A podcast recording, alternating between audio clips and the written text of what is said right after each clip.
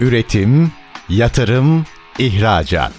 Üreten Türkiye'nin radyosu Endüstri Radyo sizin bulunduğunuz her yerde. Endüstri Radyo'yu arabada, bilgisayarda ve cep telefonunuzdan her yerde dinleyebilirsiniz. Endüstri Radyo.com Çetin Ünsal'ın hazırlayıp sunduğu Reel Piyasalar programı başlıyor.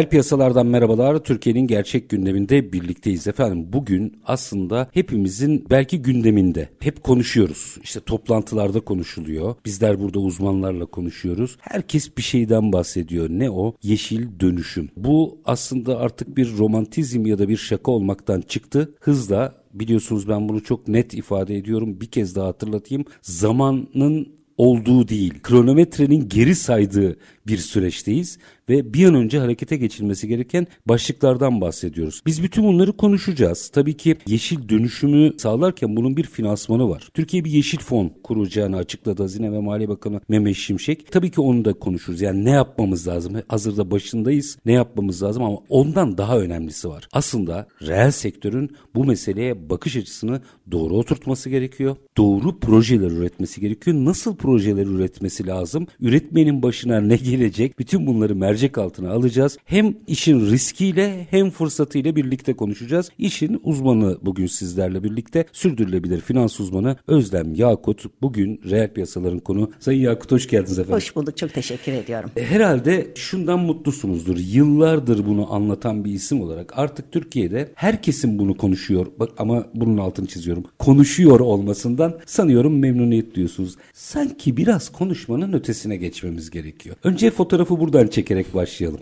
Teşekkür ediyorum. Haklısınız. Herkes bir konuşmaya başladı ama geçenlerde bir çalışmanın içinde yer aldığım bir çalışmada iklim değişikliği kimin konusudur? Diye bir soru soruldu işletmelere. İklim değişikliği kamunun işidir. Yani oradaki bu işletme sahipleri tamamen belli bir kriterin üstünde olan işletmelerin sahipleri. İşletmeler faaliyetleriyle iklim değişikliğiyle mücadele edebileceklerinin kavramına henüz maalesef Yani bu kamunun varamadı. halletmesi gereken kamunun bir şeydir diye algı var. gereken bir algı. Burada faaliyetlerinden kaynaklı olarak bir iklim değişikliği riskiyle karşı karşıya kaldıklarının hala farkında değiller. Yani biz e, uzun süreden beri sürdürülebilirlik e, konuşuyoruz. Evet bu çok fazla gündeme geliyor ama günün sonunda baktığımız zaman e, mikro ölçekte sürdürülebilirlik dendiği zaman da işletmelerin finansal sürdürülebilirliğine konu sıkıştırılmış durumda ki bu en acı olan hususu aslında. Yani bugün artık e, işletmelerin çok ciddi aksiyon alma zamanı geldi de geçiyor. Yani hani burada e, konuyu açarken biraz risklerden bahsedelim demiştiniz. Aslında belki risklerle beraber sonrasında Müthiş olur. Bir vurgunuz çok önemli ve hayati hayatiydi. Finans evet birbiriyle bağlantılı ama finansa ulaşabilmek için sürdürülebilir değil, sürdürülebilir olmak için finansa ulaşmak gerekiyor. Galiba bu bence en hayati vurguydu. Nedir riskler? Şimdi bir kere hani en acı noktası tedarik riskiyle karşı karşıya kalacağız. Yani bugün birçok endüstrinin suya bağımlılığı var ve duyduğumuz artık OSB'ler dahi su verememe gibi bir riskle karşı karşıyalar. Yani bu işin en acı tarafı yani iklim değişikliğinin işletmelere getireceği en büyük etkenlerden bir tanesi. Kaynak erişimi. Yani burada evet enerjiyle ilgili alternatif enerji yatırımlarının elbette artması lazım ama e, geçtiğimiz yıllarda gerçekten enerji kesintileri işte organize sanayi bölgelerinde enerjinin verilememesiyle ilgili çok ciddi sıkıntılar yaşadık. Dolayısıyla zaten üretimlerini yapabilmek için işletmelerin önce bir bu sürdürülebilirlik yatırımlarını yapmaları lazım. Ha sürdürülebilirlik yatırımları kapsam olarak biliniyor mu? Bu aslında belki de hani işin ABC'si. Onu da açalım zaten. yani onunla biraz sonra geleyim. Bundan sonraki hani başka riskler dediğimiz zaman yani işletmelerin hala farkında olmadığı bir kere maliyet riskleri. Evet belli sektörler bunun raporlanmasıyla ilgili yükümlülükler gelmeye başladı. 2025 itibariyle bunun bunların raporlanması ve vergi yani e, şu andan altyapıyı hazırlıyorlar ama 2025'ten itibaren artık yavaş yavaş vergilendirilme hususuna geçilecek ama çok da uzun vadede olmayan bu tüm sektörleri de kapsayacak bir şekilde yani ne kadar bir karbon ayak izi var o şeyin işletmenin bununla ilgili bir vergi yükü ilave olarak gelecek. Tüketici beklentileri değişiyor ve ciddi olarak ürünü satamayacak. Aslında bu da hani en büyük bir başka risklerden bir tanesi yani ben artık ürünü bir ürünü satarken ne kadar su bunun için har bu satın alırken ne kadar bunun için su harcanmış, ne kadar enerji harcanmış ve ben bu ürünü e, tamam belli bir finansal maliyetini ödüyorum ama benim ödediğim çevresel maliyeti nedir? Bunun farkında olmak istiyorum ki bu bilinçli olan tüketiciler zaten tüketici alışkanlıklarını da bu çerçevede değiştiriyor olacaklar. İtibar riski bir diğer risk. Yani şu an çok göz önüne alınmayan gerçekten yani hani eğer bir hala bu kadar yüksek emisyonlu bir üretim, yüksek su kullanan bir üretim varsa bu işletmelerin de itibarıyla ilgili ciddi e, sıkıntılar meydana gelecek bir süre Orada sonra. Bir, bir dipnot açarsa Tabii sevinirim. O itibar riskinin farkında olanların içerisinde ikiye ayrılan bir durum var. Gerçekten bunun bir risk olduğunu fark edip gereğini yerine getirmeye çalışanlar bir de yeşil boyamacılar ki Avrupa Birliği bu yani sırf bizi değil Avrupa Birliği bile artık bu konuyla ilgili düzenleme hareketine geçti. Ciddi bir ya ben aslında yapıyorumcular var. Bu bence yapmayandan çok daha büyük bir risk değil mi? Kesinlikle. Yani bunun artık sizin de belirttiğiniz gibi bir terminolojisi oluştu. Evet. Yani yeşil boyama adı altında. Gerçekten yani hani burada bir yeşil finansman, yeşil ekonomi, yeşil e, dönüşüm dediğimiz zaman ölçülebilir verilerle hareket etmek lazım. Ben daha önce neyi neydi benim emisyonum? E, saldığım emisyonum şu anki ne nereden nereye azalttım? Birim başına ne kadar düşürdüm? Bunun bir kere mutlaka hesabının yapılması lazım. Hani şuraya gelirsek eski dönemde hep verimlilik verimlilik verimlilik dedik. İşletmeleri dedik ki yıllar boyunca birim başına üretim maliyetinizi hesaplayacaksınız. Yoksa uzun dönemde hani rekabet edebilmeniz çok zor. Şimdi geldiğimiz noktada birim başına üretim maliyeti yetmiyor birim başına enerji maliyetim ne? Birim başına yani kullandığım enerji maliyeti artı emisyonum, karbon emisyonum ne? Birim başına kullandığım su ne? Birim başına diğer kaynaklardan ne kadar kullanıyorum? Bunların hepsinin hesaplanması ve bunların hepsinin azaltımıyla ilgili bir yol haritası yani gerekiyor. Sizin bir basın açıklaması yaparak ne kadar yeşil olduğunuz kimsenin umurunda değil, veriler. Aynen öyle. Veriler konuşuyor burada. Aynen öyle. Veriler üzerinden ve bunun da hatta denetlenmiş verilerle bunun halka açık şeffaf bir şekilde iletilmesi lazım. Dolayısıyla bu çerçevede bu işi ciddiye almak çok önemli. Yani hani işletmenin ben işte şu kadarlıkta ağaç diktim şeklindeki bir yaklaşımı aslında bir yeşil dönüşüm değildir. Onu zaten dikmesi lazımdır. Yani çünkü hani böyle stratejilerine geldiğimiz zaman ayağı yere basmayan birçok stratejiler geliyor. Burada birim başına ne kadardı ve nereye düşürdüm? Bu artık bundan sonraki süreçte kendi üretimleriyle de alakalı olmayacak. Üçüncü taraftan almış olduğu hizmetler ve ham maddelerle ilgili de bunun hesabının yapılıyor olması Tedarikçileri lazım. dahil Tedarikçileri de dahil olmak üzere. Devam edin. Ben bir virgül attım araya ama. Teşekkür ediyorum. Bir başka risk hukuki risk. Artık bundan sonraki bu Türkiye'de ne kadar süreçte gelebilir ama bilmiyorum. Gerçekten bir hani soluduğumuz havanın yaşanamaz bir çerçeveye gelecek bir çerçevesinde olduğundan dolayı benim artık o işletmeye hukuki olarak bir sorumlulukta bulunmasıyla ilgili bir yaptırım uygulayabiliyor olmam lazım. Uzun vadede bunlar da konusu olacak ki Avrupa'da zaten bu çerçeveler başladı. Kamu politikalarıyla ilgili riskler. Çünkü kamu politikalarında bu çerçevede değişmesi lazım. Üretim süreciyle ilgili belirli kısıtlamalar geldiği zaman bu çok geç olabilir bu işletmeler önce ve en nihai olarak da finansal risk. Bugün siz konuyu açtınız. İşte yeşil finansman, yeşil dönüşümün finansmanı. Şu çok uzun bir gelecek değil bir işletmenin artık finansmana erişimi için belli bir sürdürülebilirlik derecelendirmelerinden geçmiş olması lazım. Kredi şartlarına girmeye başladı. Kredi şartlarının evet yani bunu Türkiye'de henüz ticari bankalar tam olarak entegre etmiş olmasalar da şunu biliyorsunuz artık kömürden üretim finanse edilmeyen bir unsur ama bunun bir üst boyutu var. Yani bunu kalkınma ve işte kalkınma bankaları bunu e, yapmaya başladılar. Direkt hani sürdürülebilirlik endeksi, sürdürülebilirlik skorlaması. Ama artık yani üretiminde gerçekten işte fosil yakıt e, tamamen kullanıyorsa bu işletmenin skorlamasının daha düşük olması lazım. Bu işletme hani herhangi bir şey verimlilik çerçevesi yatırım planlıyorsa bu işletmenin skorlamasının daha yüksek olması lazım ki bunlar çok uzun vadede olacak şeyler değil. Galiba o da şimdilik. Yani bugün sözlerinizden şunu anlıyorum. Bugün krediye pahalı ulaşma riskiniz var. Yarın ulaşamama riskiniz aynen, var. Aynen. Yani bu bir skorlama. Mesela yani hani bankacılık sektörüne aşina olanlar bilirler. Burada hani bankaya gittiğiniz zaman sizin işte belli bir skorlama seviyeniz vardır. İşte kaç senedir faaliyettesiniz. Bu bir skordur. İşte yazılmış çekiniz var mıdır? Ödenmemiş krediniz var mıdır? Gibi belli bir skorlama değerlendirmeleri vardır. Çok da uzun olmayan çerçevede bunlar da dahil olmaya başlayacaklar. Neden? Çünkü bankaların zaten ya da ticari finans kurumlarında elde edebileceği kaynaklar sadece sürdürülebilir kaynaklar. Bugün dünya geneli için net sıfır hedefini tutturma amacıyla yapılması gerektiği yatırım 3,5 trilyon dolar. Yani para buraya gidecek. Dolayısıyla bankanın bir başka alanı finanse edebilme gibi lüksü yok zaten. Bu arada şey Galiba onu da hatırlatmak lazım. Bir araya gideceğim ama bankalar hele bizim gibi mevduat oranları düşük olan ülkelerde bunları sendikasyon yoluyla getiriyorlar. Ve bunlar şartlı aslında yurt dışından geliyor. Hani banka bana veriyor vermiyor meselesi değil. O şartla geliyor sendikasyon. Onu hatırlatayım. Peki biraz daha açacağım hı hı. ama minik bir araya gitmem lazım. Hı hı. Çünkü çok hayati bir şeyden bahsediyoruz ve bu galiba çok değil 2026'dan sonra iliklerimize kadar hissedeceğimiz bir süreç. Bakın 2024'e geldik. Biz bunları 2022'de konuşuyorduk hatırlarsanız. 2024'e geldik. Açacağım. Çok kıymetli bir konuğumuz var. Sürdürülebilir finans uzmanı Özlem Yakut bizlerle birlikte bugün. Yeşil finansmanı ve sürdürülebilir dönüşümü veya üretimi diyelim doğru kurgulamamız gerekiyor. Riskleri saymaya devam edeceğiz. Neler yapabileceğimiz veya neler yapmamız gerektiğini de konuşacağız. Ne zaman? Kısa bir ara. Lütfen bizden ayrılmayın. Üretim, yatırım, ihracat. Üreten Türkiye'nin radyosu Endüstri Radyo sizin bulunduğunuz her yerde. Endüstri Radyo'yu arabada, bilgisayarda ve cep telefonunuzdan her yerde dinleyebilirsiniz. Endüstri Radyo.com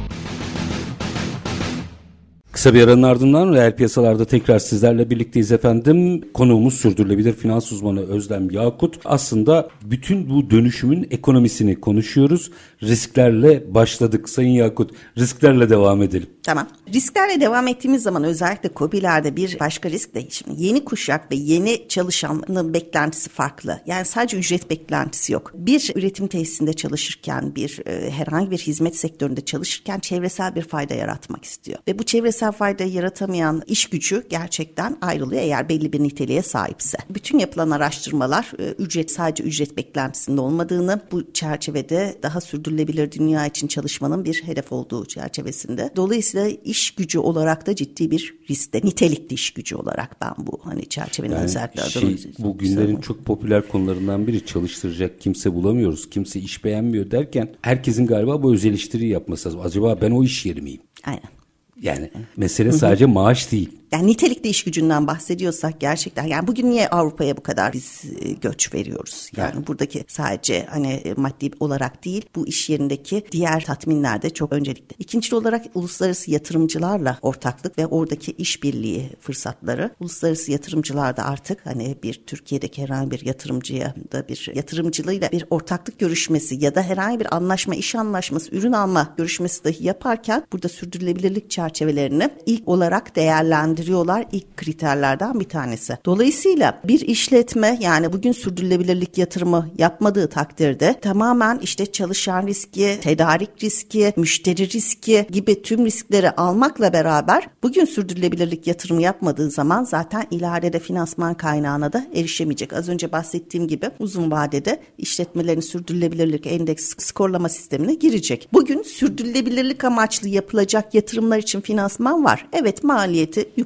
olabilir ki şunu söylemek istiyorum. Maliyeti ne kadar yüksek olursa olsun sürdürülebilirlik yatırımları çok ciddi ölçüde finansal fayda yaratan yatırımlardır. Çünkü krediye daha rahat ulaşmanızı sağlıyor e, yaptıkça. Yaptıkça artı ben şu çerçeveden bakmak istiyorum. Sürdürülebilirlik yatırımları özellikle enerji verimliliği yatırımları bunu sizinle defalarca vurguladık. Enerji verimliliği yatırımlarının geri ödeme süreleri çok kısadır ve ciddi şekilde nakit yaratma potansiyeline Artı sahiptir. Artı bilançoyu da düzeltir. Bilançoyu da düzeltir tabii ki. Böyle bir etkisi var. Dolayısıyla hani bu yatırımlar maliyeti, finansman maliyeti yüksek olsa dahi kendisini geri ödeyebilecek nitelikte yatırımlar olduğundan dolayı şu an artık hani finansmana ulaşılabiliyor ama işte 3 sene sonra belli bir sürdürülebilirlik endeksi puanını karşılamayan yatırımcının artık ya da işletmenin burada finansmana erişim kabiliyeti de yok denecek kadar az olacak. Şunu doğru anlamak adına soruyorum. Mesela ben bir işletmeyim ve benim hiç finansman kuruluşlarıyla da işim yok. Hani bu kendi içinde ayrı bir finansman yönetimi sorunu ama ben öz sermaye ile iş yapıyorum. Sorun çözülmüyor.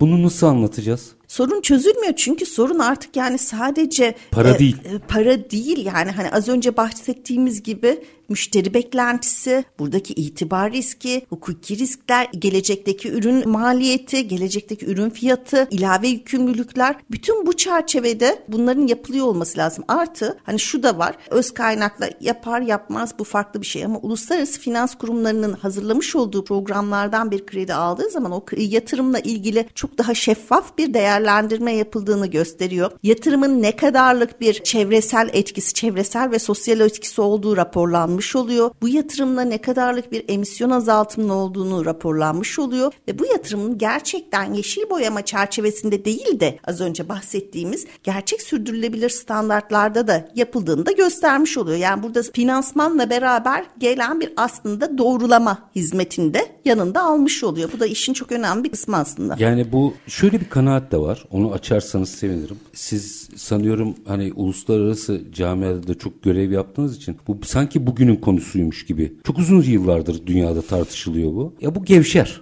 Bir daha söyleyeyim mi? Bu gevşer. Böyle bir kanaat var niye gevşemeyeceğini anlatabilir misiniz bize? Yani e, şimdi bu kadar globalleşmiş bir dünyada hani kriterler gevşese dahi sadece kendi pazarınızda kendi belki daralmış bir müşteri kitlesinde satabilirsiniz. Kriterler lokal olarak gevşese dahi. Ama eğer üçüncü taraflarla bir işbirliği çerçevesinde size yani bir ne bileyim kurumsal bir işletmenin tedarikçisi ise bizim kobimiz. Bunun mümkün değil hani uzun vadede bu stratejisini sürdürülebilmesi. Çünkü o kurumsal işletme tedarikçilerinin sağlamış olduğu emisyonlarını da raporlamakla olmakla yükümlüdür. İşletme uluslararası pazara açılmak durumundaysa lokal mevzuat ne kadar genişlerse genişlesin o uluslararası mevzuatın hükümlerine tabi olmakla yükümlüdür. Dolayısıyla işin gevşiyor olması onun sadece pazarını küçültür ve küçük alanda düşük satış hacmiyle üretimine devam edebilir. Bir kere şunu özellikle kurumsal firmaların tedarikçileri mutlaka ve mutlaka bilmeliler. Kurumsal firmaların da tedarikçileri %99.7 zaten KOBİ. Yani bugün en büyük sanayi işletmelerinin burada hani otomotiv endüstrisi dediğimiz zaman işte beyaz eşya üretim dediğimiz zaman KOBİ'ler. En azından OBİ. Ya da hani büyük tekstil işletmeleri. Sonuçta o kurumsal şirketlerin taahhütleri ancak e, o KOBİ'lerin sürdürülebilirlik yatırımlarıyla karşılanabilecek taahhütler olduğundan dolayı bu yatırımı yapmak zorunda. Yoksa kontrat dönemi sonunda zaten firma yenileyemeyecek. Nitekim şu an hani büyük tekstil tedarikçileri buna başladılar. Büyük tekstil tedarikçileri şunu diyorlar. İşte sen e, su ayak izini belli belli bir seviyeye düşürmüyorsan, sen emisyonu belli bir seviyeye düşürmüyorsan e, şu saatten sonra ben senden ürün almayı keseceğim. Bunu açık bir şekilde deklare ediyorlar. Keza bu büyük sanayi işletmeleri içinde gündeme gelmeye başladı. Ha bize bir şey olmaz bu esner çerçevesinde olan kobilerde yani ya silinecekler ya da çok küçük yerel pazarlarda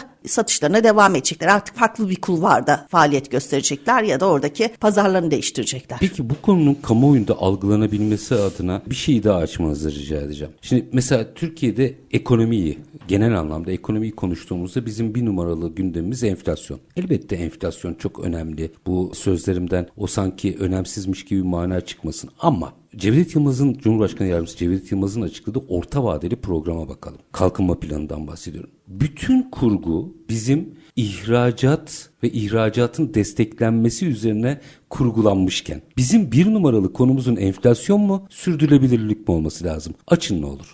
Yani şimdi zaten hani bir numaralı kurgumuzun işletmeler için enflasyon dediğimiz zaman onlar orta ve uzun vadede işte mevcut kar marjlarını koruma, mevcut satışlarını yapabilme çerçevesinde. Ama zaten sürdürülebilirlik dediğimiz zaman o enflasyonla da baş edebilme yani finansal sürdürülebilirliği de içine alan bir çerçeveden bahsediyoruz. Burada zaten o enflasyon ekonomisiyle ilgili en rahat baş edebilme yöntemleri üretim maliyetlerinin aşağıya gelmesi. Dolayısıyla biz bu çerçevede baktığımız zaman otomatik olarak zaten öteki adımları bertaraf etmiş oluyoruz. Yani aslında enflasyonla mücadele de buradan geçiyor. Aynen öyle. Enflasyonla mücadele de bu taraftan geçiyor. Sonuçta biz ihtiyacımız olan enerji, ihtiyacımız olan ham madde, ihtiyacımız olan suyu aşağıya çektiğimiz zaman zaten piyasadaki talebi de aşağıya çekiyoruz.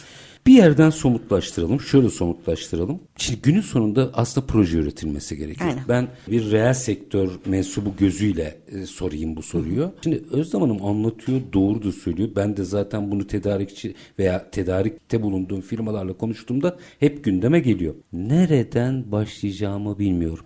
Bir, nereden başlamalıyım? İkincisi, proje üretin diyoruz. Biraz somutlaştıralım mı? Ne tip projeler üretmeleri gerekiyor? Bir kere her işletmede artık yani küçük işletme de olsa 10 çalışan da olsa bir sürdürülebilirlik ekibi olacak. Yani bu artık günümüzün olmazsa olması. Nasıl yani bir şey muhasebe ekibi varsa bir işletmenin bugün bir sürdürülebilirlik ekibi olacak. O sürdürülebilirlik ekibinde hem teknik birimden hem finansal birimden hem diğer yönetim insan kaynakları biriminden mutlaka temsilciler olacaklar varsa bunlar. Yoksa da sadece bir hani teknik departman ve muhasebe departmanından oluşan bir birimse bile orada sürdürülebilirlik konusunda kimler önce olacak bir kere bunların iyi ve net belirlenmesi lazım. Çünkü yani herkesin de yani her tabii ki bilinç verilecek ama düzenli eğitimler işletmelerin tamamını gerekli. Bunlar o eğitim bilgilendirme faaliyetlerinden sorumlu olacak kişiler olacak. Birinci adım bu sürdürülebilirlik departmanı. Farkındalığını yaratmanız Departman gerekiyor. olarak değil de sürdürülebilirlikten sorumlu yetkin kişilerin olması lazım. Bu kişiler kendilerine yatırım yapabilirler. Kaynaklar çok fazla, eğitim imkanları çok fazla. Birçok ücretsiz eğitim programları var. İşletmelerde bunların eğitimlerine yatırım yaparak bu çerçevede bu bilinci artırabilirler. İkincil olarak az önce girişte konuştuğum gibi bir işletmenin hani artık hani şeye inebildik. Birim başına maliyet hesabını aşağı yukarı tüm kobiler yapabiliyor. Ancak birim başına enerji maliyeti nedir üretimdeki ve bunlar ayrı üretim hatları olarak belirlenebilmesi lazım. Yani ortalama bir enerji maliyetinden bahsetmiyoruz. Yani burada farklı makineler varsa o makineden üretim olarak üretmiş olduğum mamulün enerji ne kadarlık enerji kullanıyorum, ne kadarlık e, su kullanıyorum, ne kadar ham madde kullanıyorum ve ne kadar fren var. Bunları her bir proses başına mutlaka belirlemesi lazım. Birinci adım bu. Dolayısıyla bir işletmenin fotoğrafının çekilebilmesi lazım. Bu fotoğraf çekildikten sonra genel olarak ben bu giderleri nasıl azaltabilirim? Aynı üretimi daha az enerji kullanarak, daha az ham madde kullanarak, daha az su kullanarak ve daha az fire vererek yapabilir miyim? Bu mümkün. Bu mümkün. Tabii ki. Yani bugün hani çok iyi teknoloji kullanan işletmelerde dahi enerji verimliliği potansiyelleri görüyoruz. Çünkü biliyorsunuz ki biz kendi kullandığımız cep telefonlarından, buzdolaplarından görüyoruz. Bir iyi teknoloji bir öncekine göre daha verimli, daha Doğru, az enerji doğru, kullanıyor. Dolayısıyla hani şunun hesabını yapacak. Ben bunu yenilediğim takdirde benim elde edeceğim tasarruf ne kadardır? Bunun yatırım maliyeti ne kadardır? Bunlar çok zor hesaplar değiller. Yani iki kişi orada yani bir firmanın mühendisiyle bir finansçı bir araya geldiği zaman bunu bir Excel tablosuyla hesaplayabileceği tutarlar. Yani öyle hani Yarım e, günde çıkar ortaya. Evet yarım günde çıkar belli bir proseste. Dolayısıyla bunu bir hesaplayabilmeleri lazım. Yani benim mevcut durumum ne? Ne kadarlık enerji tüketiyorum? Muadillerim ne kadar? Dünyada ne kadar? Yani bununla ilgili de bir karşılaştırma yapmaları lazım. Bugün işte baktığımız zaman işte bizim mesela halı satışlarımız Türkiye'de bilmiyorum takip edebildiniz mi? Tamamen Arap dünyasına kaymış durumda. Evet.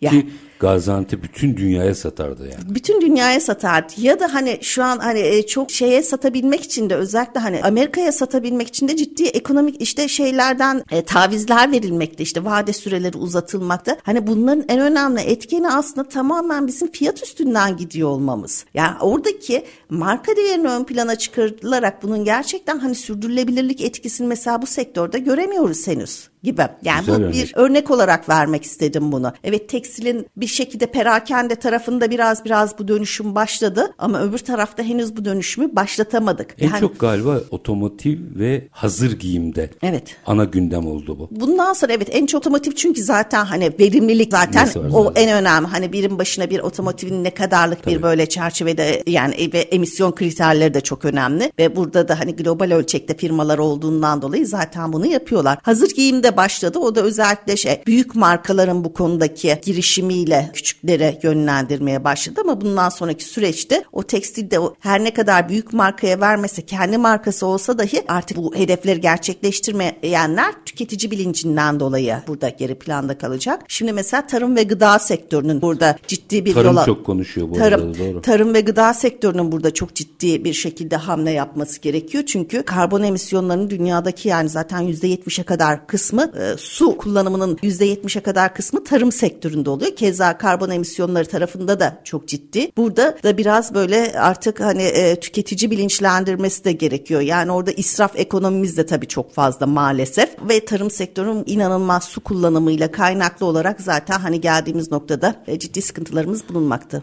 Minik bir araya gideceğim. Buyurun. Aranın ardından bütün bunları fark ettim, tespit ettim. Şimdi projelendirme aşamasına geldi. Orada da biraz akıllar karışıyor. Proje projeden sonra finansmana ulaşma metodolojisini biraz açalım. Minik bir ara. Aranın ardından sürdürülebilir finans uzmanı Özlem Yakut'la sizlerle birlikte bunu konuşacağız. Lütfen bizden ayrılmayın. Üretim, yatırım, ihracat. Üreten Türkiye'nin radyosu Endüstri Radyo sizin bulunduğunuz her yerde. Endüstri Radyo'yu arabada, bilgisayarda ve cep telefonunuzdan her yerde dinleyebilirsiniz. Endüstri Radyo.com Kısa bir aranın ardından reel piyasalarda tekrar sizlerle birlikteyiz. Sürdürülebilir finans uzmanı Özlem Yakut bugün bizlerle birlikte. Araya gitmeden önce sormuştum hatırlatayım açalım. Tamam peki ben bunların farkında oldum ve biliyorum ki Özlem Hanım'ın da anlattıklarından anladım ki artık bir şeyler yapmam lazım. Bir yol haritası yaptınız. Aslında ilk nelere dikkat etmeleri gerekiyor. Tamam birimlik birim demeyeyim kobiler için daha gerçekçi olayım. Bu konuyla ilgili ilintili bir merci kişi belirledim. Eğitimlerimi aldırdım ve artık verimlilik hesabımda bir mühendis ve finansçımda oturdular yaptılar. Şimdi bir şeyler yapmam lazım. Birincisi nereden yani doğru projelere nerelerden başlamam lazım? Bir de o proje nasıl üretilir? Ürettik. Finansı için hangi yollara başvurmam lazım? Burayı açın ne olur? Teşekkürler. Şimdi projeleri belirledik. Bunu finansçımız ve mühendisimiz bir araya gelerek kısmen belirleyebilir. Belli üretim teknolojileri.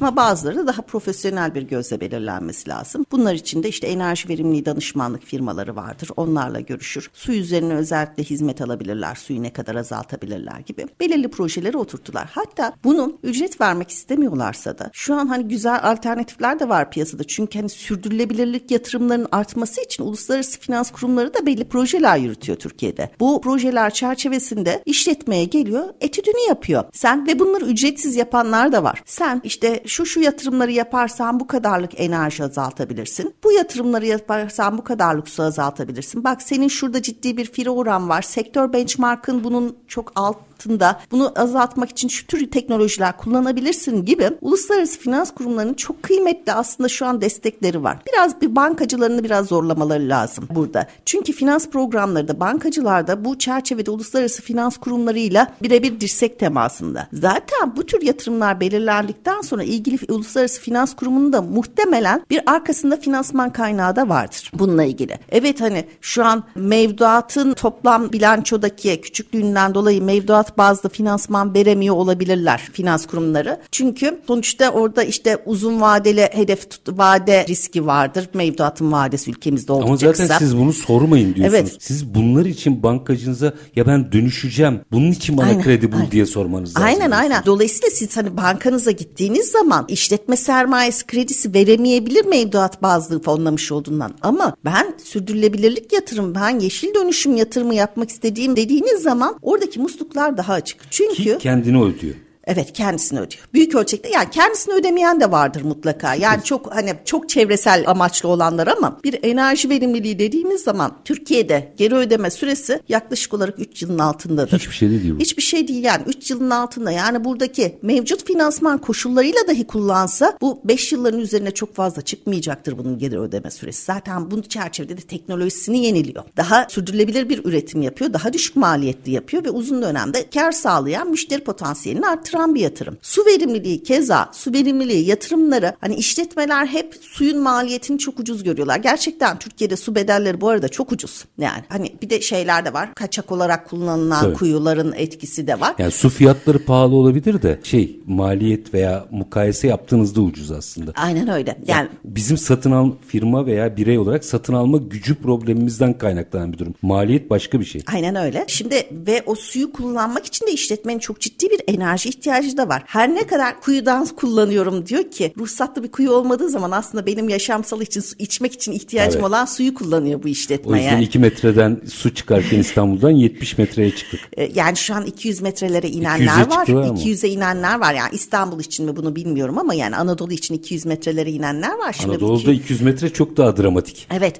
Yani şimdi bu 200 metrelerden suyun enerji maliyeti zaten çok şey ciddi bir maliyet bu çerçevede. Dolayısıyla hani ben bu, o zaman ne kadar daha su kullanabilirim ve bunu daha verimli bir teknolojiyle nasıl kullanabilirim dediğimiz zaman hem sudan hem enerjiden burada bir tasarruf yaratıyoruz. Bunların şimdi iyi hesaplanması lazım. Bunlar hesaplanamıyorsa da işte ilgili finans kurumuna başvuru yapıldığı zaman zaten hani orada bir, bir teknik ekip de yönlendiriyor olabilir. Bunun hesabını yapıyor olabilir. İnanın şunu bile yapıyorlar uluslararası finansman kurumları. Siz bir hani evet ben verimlilik odaklı bir makine almayı planlıyorum deyin sadece. Eski makinanıza ilişkin bilgileri iletin. Yeni makinanıza ilişkin bilgileri iletin. Burada bir teknik departmanda çalışan kişi kaç saat çalışıyor, ne kadarlık üretimi var işte gibi böyle majör bilgileri verdiği takdirde ikisi arasındaki bu yatırım tüm bu kaynakların verimliliğinden elde edilen kazançla kendisini ne kadar sürede ödüyor? Burada elde edilen toplam emisyon azaltımından kaynaklı çevresel kazanç ne olacaktır? Bunun faydası ne olacaktır? Bunu dahi raporluyor. Mühim olan bu projelerle işbirliğini biraz daha arttırabilmek. Yani sonuçta sadece maliyeti nedir ki? Benim işte bankadan başka bir kaynakta alabilirim. Niye oradan alacağım gibi bir unsur artık geçmesi lazım. Uluslararası finans kurumlarının bu tür programlarından bir finansmana eriştiği takdirde bir kendi yatırımının bir doğrulamasını yaptırmış olacak. Özellikle çevresel etki olarak iki finansmana erişim kabiliyeti daha yüksek olacaktır. Dolayısıyla bir işletme yatırımda aşağı yukarı bir fikir belirlendiği zaman bir ilgili finans kurumuyla görüşerek evet ben sürdürülebilirlik odaklı finansman arıyorumu verecek. Bu karşılıklı etkileşim olacak. Karşılıklı bilgi artışı da olacak aynı zamanda. Ayrıca galiba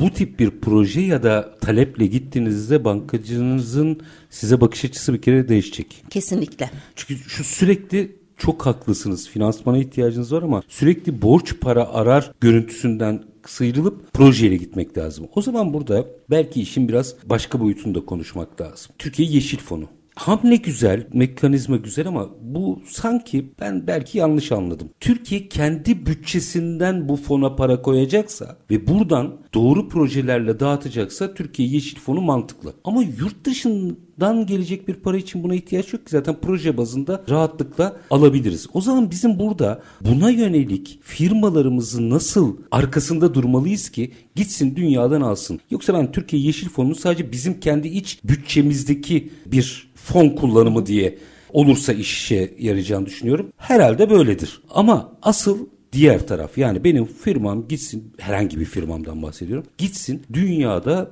bu konuyla ilgili finans kullansın. Benim o zaman kamu olarak ben arkasındayım dediğim nokta ne? Ne yapmam lazım? Hı hı, kamu olarak. Kamu olarak. Tamam. Şimdi şöyle yeşil fon olarak dünyada daha farklı uygulamalar var. Başarıya ulaşmış uygulamalar da var. Bunu daha çok aslında enerji verimliliği fonuyla hmm. belli ülkelerde başladılar. Özellikle hani Doğu Avrupa ülkelerinde başarılı projeler var. Şimdi evet kamu yeşil fona mutlaka bir bedel ödemeli ama yeşil fonun zaten içeriği bir kere şeffaf bir içerik kurulursa burada yani hangi projeler bu yeşil fonla Proje fonlanacak? Üzerinde. Proje üzerinde. Hangi projeleri fonlayacağım? Minimum emisyon azaltma azaltım kriteri ne olacak? Minimum verimlilik kriteri ne olacak? İşte suyla ilgili bir proje ise minimum su tasarrufu ne olacaktır? Hangi sektörler faydalanacaktır gibi bir kriter belirlenirse. Bu fonun rotatif fon dediğimiz büyüyebilecek bir fon olduğunu ve getirisinin gerçekten bu projelerden sağlam bir getirisinin elde edilebileceğini çerçeveleyebilirse bu fon uluslararası yatırımcılardan da ilgi duyabilir. Ha evet. Evet yani. yani mesela biz çevre vergisi ödüyoruz. Mesela bu vergilerin hepsi o fonda birikecekse enteresan olabilir. Evet kesinlikle yani hani burada yani hükümetin de kendisinin fonun içerisinde destek vermesi artı uluslararası zaten bu hani yeşil fon kuruluyor derken bu da gene uluslararası finans kurumunun girişiminde kurulması planlanan bir fon. Oradaki şeffaflık, ölçülebilirlik ve denetlenebilirlik olduğu çerçevede uluslararası finansman kurumları bu fona koyabilirler. Ama hükümetin ne yapması lazım derken burada işte bu yeşil fonla evet bize ucuz kredi verme gibi unsurdan çok belki başka komponentleri de içine sokabilir ki zaten dünyada bu tür örnekler var. Hükümet burada mesela yeşil fonla yeşil projelere garanti verebiliyor. Burada ne yapıyor o zaman? Eğer sadece hani girişim sermayesi gibi unsurları desteklemeyeceksek bir sürdürülebilirlik gerçekten hani kapsamlı ve vizyoner bir yatırım yapan bir işletmeye bu fonla bir garanti verir. O fon gider uluslararası yatırımcıdan direkt bir finansman alabilir gibi Düz uygulamalar mantık, var. Bizim kredi garanti fonu gibi kullanabiliriz Gibi bunu. aynen öyle. Kredi garanti fonu gibi uluslararası yatırımcıya Uluslararası istinaden. Mesela burada hani biz gene özellikle daha büyük ölçekli sanayi iş- işletmelerimizin yeşil tahvil ihracına burada destek verebiliriz. Bunlara burada bir garanti kullanılabilir. Bu çok ciddi anlamda bir kaldıraç etkisi yaratacak olan bir fondur. Artı bu tür bir garantiyle kullanıldığı zaman fonun etkisi uluslararası araştırmalarda 6 kat kadar daha yüksek oluyor. Yani bir birimle 6 kat birim yatırım finanse edilebiliyor çerçevesi. Hani bunun iyi kurgulanması lazım. İyi kurgulandığı zaman gerçekten hani kamu bunu iyi kurgularsa e, ciddi bir yeşil dönüşümde kaldıraç etkisi olabilecek bir girişim. Bizde biraz şey gibi algılandı orada e, kamuoyunda o, belki onu düzeltmek lazım. E, herhalde böyle yapılmamıştır. Dünya bütün yeşil finansmanını buraya getirsin. Biz buradan dağıtalım. Böyle dağıtılacak bir paradan bahsetmiyoruz. Proje ve projenin finansmanı. Aynen öyle. Sistem böyle Hı hı. işliyor. Aynen öyle. Zaten bu hani e, şu an konuşulan 155 milyon dolarlık bir fondan bahsediyor. Hani 155 milyon dolarlık kaldıraç bir etki olmadan kaç tane işletmenin kaç yatırımını finanse edebilir yani. Dolayısıyla hani buradaki o proje fikirlerinin ortaya çıkması, onların destekleniyor olması, onların desteklenmesi ve yenilerine rol model olması. Yoksa hani bir herhangi bir proje, somut bir proje az önce belirlediğim gibi ne kadarlık bir emisyon azaltımı olacak, ne kadar su azaltımı olacak, ne kadar ham madde azaltımı olacak biz bunları bilmeden zaten bu fondan finanse edilmemesi gerekir. O zaman şeffaflığını kaybeder. Bunun içinde bir fona ihtiyaç yok zaten. Fon sadece bir kaldıraç etkisi Kaldıraç. olur. Yani KGF, Kredi Ee, Garanti Fonu KGF gibi özelliği olabilir. Hani belli kendisi nakit finansman da verebilir ama mutlaka geri ödemeli olması lazım. Bunun ki fonun büyüyebilmesi ve rotatif olarak kullanılabilmesi lazım. Belki o fon yine içten finanse edilmek kaydıyla yeşil teknolojilerin üretilmesini finanse edebilir. Aynen öyle. İçte. Hı hı. Oradaki gerçekten hani bu içeride bizim hani ihracattaki en büyük kazançlarımızdan bir tanesi de bu olacaktır. Hem yeşil dönüşümde hem işte şey genel olarak ülkenin emisyon azaltımında içeride bizim çok kıymetli üreticilerimiz var. Yani direkt mesela diyelim ki hani çok ufak bir örnek vereyim. Elektrik motoru üreticisi. Elektrik motoru verimli teknoloji kullanıldığı zaman direkt enerji azaltımını çok arttıracaktır. O zaman bizim bunu desteklememiz lazım. Yaşayın. Bu firmanın kredi erişim şartlarının herhangi bir böyle gerçekten çevreye zarar veren bir üretim modeliyle eşdeğer olmaması lazım. Bunların biraz ön planda. Anladığım kadarıyla lazım. iyilerle kötülerin mecazi anlamda değil tamamıyla firma yapısı anlamında kastediyorum. Bakın mecazi anlamda değil. Baya net iyiler ve kötülerden bahsediyorum. Ayrıldığı bir sürece doğru girdik. Bir dakikam var. Bir dakikada da herkesi bilinçlendirebiliriz. Herkese bilgi aktarabiliriz. Geçtim. Şu anda bir KOBİ'ye seslenmenizi rica edeceğim. Büyükler yine iyi kötü bunu çalışıyorlar. Niye bu hayat memat meselesi? Bir dakikada bir daha özetleyin öyle bitirelim. Bir kere uzun vadede ilave vergilere, ilave maliyetlere, karbon vergilerine kalmaması için, nitelikli iş gücünü çekebilmesi için, finansman koşullarına, iyi finansman koşullarına erişebilmeniz, hatta finansmana erişebilmeniz için, marka değeri yaratabilmeniz için, uygun işte şey tedarik koşullarına erişebilmeniz ve tedariğinizi güvenliğe alabilmeniz için bu yatırımları yapmanız lazım. Lütfen lütfen üretim bandı başına ne kadarlı kaynak tüketiyorsunuz? Tekrar altını çiziyorum. Ham madde, su, enerji ve ne kadarlık fireniz var bunları iyi hesaplayın. Bundan sonra da alternatif enerji kaynakları nasıl kullanabilirsiniz? Onun da bir yol haritasını belirleyin. Ve bu elektrik faturası gibi son günü beklenecek bir şey değil. Aynen. Bugünden başlanması gerekiyor. Kesinlikle. Sayın e, Yakut çok çok teşekkür ediyorum. Ben de. daha çok konuşacağız. Hep konuşacağız. Zaman kısaldıkça daha sık konuşacağız. Ama bir şekilde burada suyun üzerindeki firma sayımızı çoğaltmak için sanıyorum mücadele etmemiz gerekiyor. Sürdürülebilir finans uzmanı Özlem Yakut çok çok teşekkür ediyorum efendim. Ben teşekkür ediyorum. Herkese iyi kazançlar Var diliyorum. olunuz. Efendim biz bugün reel piyasalarda sürdürülebilir ekonominin aslında somut, hayat bulmuş halini, finans, proje ve aslında karbon emisyonuyla sıfırlama yolculuğunu birlikte ele aldık. Yine altını çiziyorum, yine altını çiziyorum. Tabii ki belli süreler var ve onları hep zaman zaman biz de bilgi olarak paylaşıyoruz. Bu sürenin olduğu değil, sürenin kısaldığı yani kronometrenin tersine işlediği bir süreç. Son dakikaya değil, bırakılacak bir iş değil. Bugünden başlanacak bir süreç. Bir kez daha hatırlattıktan sonra her zamanki gibi bitireyim. Şartlar ne olursa olsun paranızı ticarete, üretime yatırmaktan, işinizi layıkıyla yapmaktan ama en önemlisi vatandaş olup hakkınızı aramaktan vazgeçmeyin. Hoşçakalın efendim.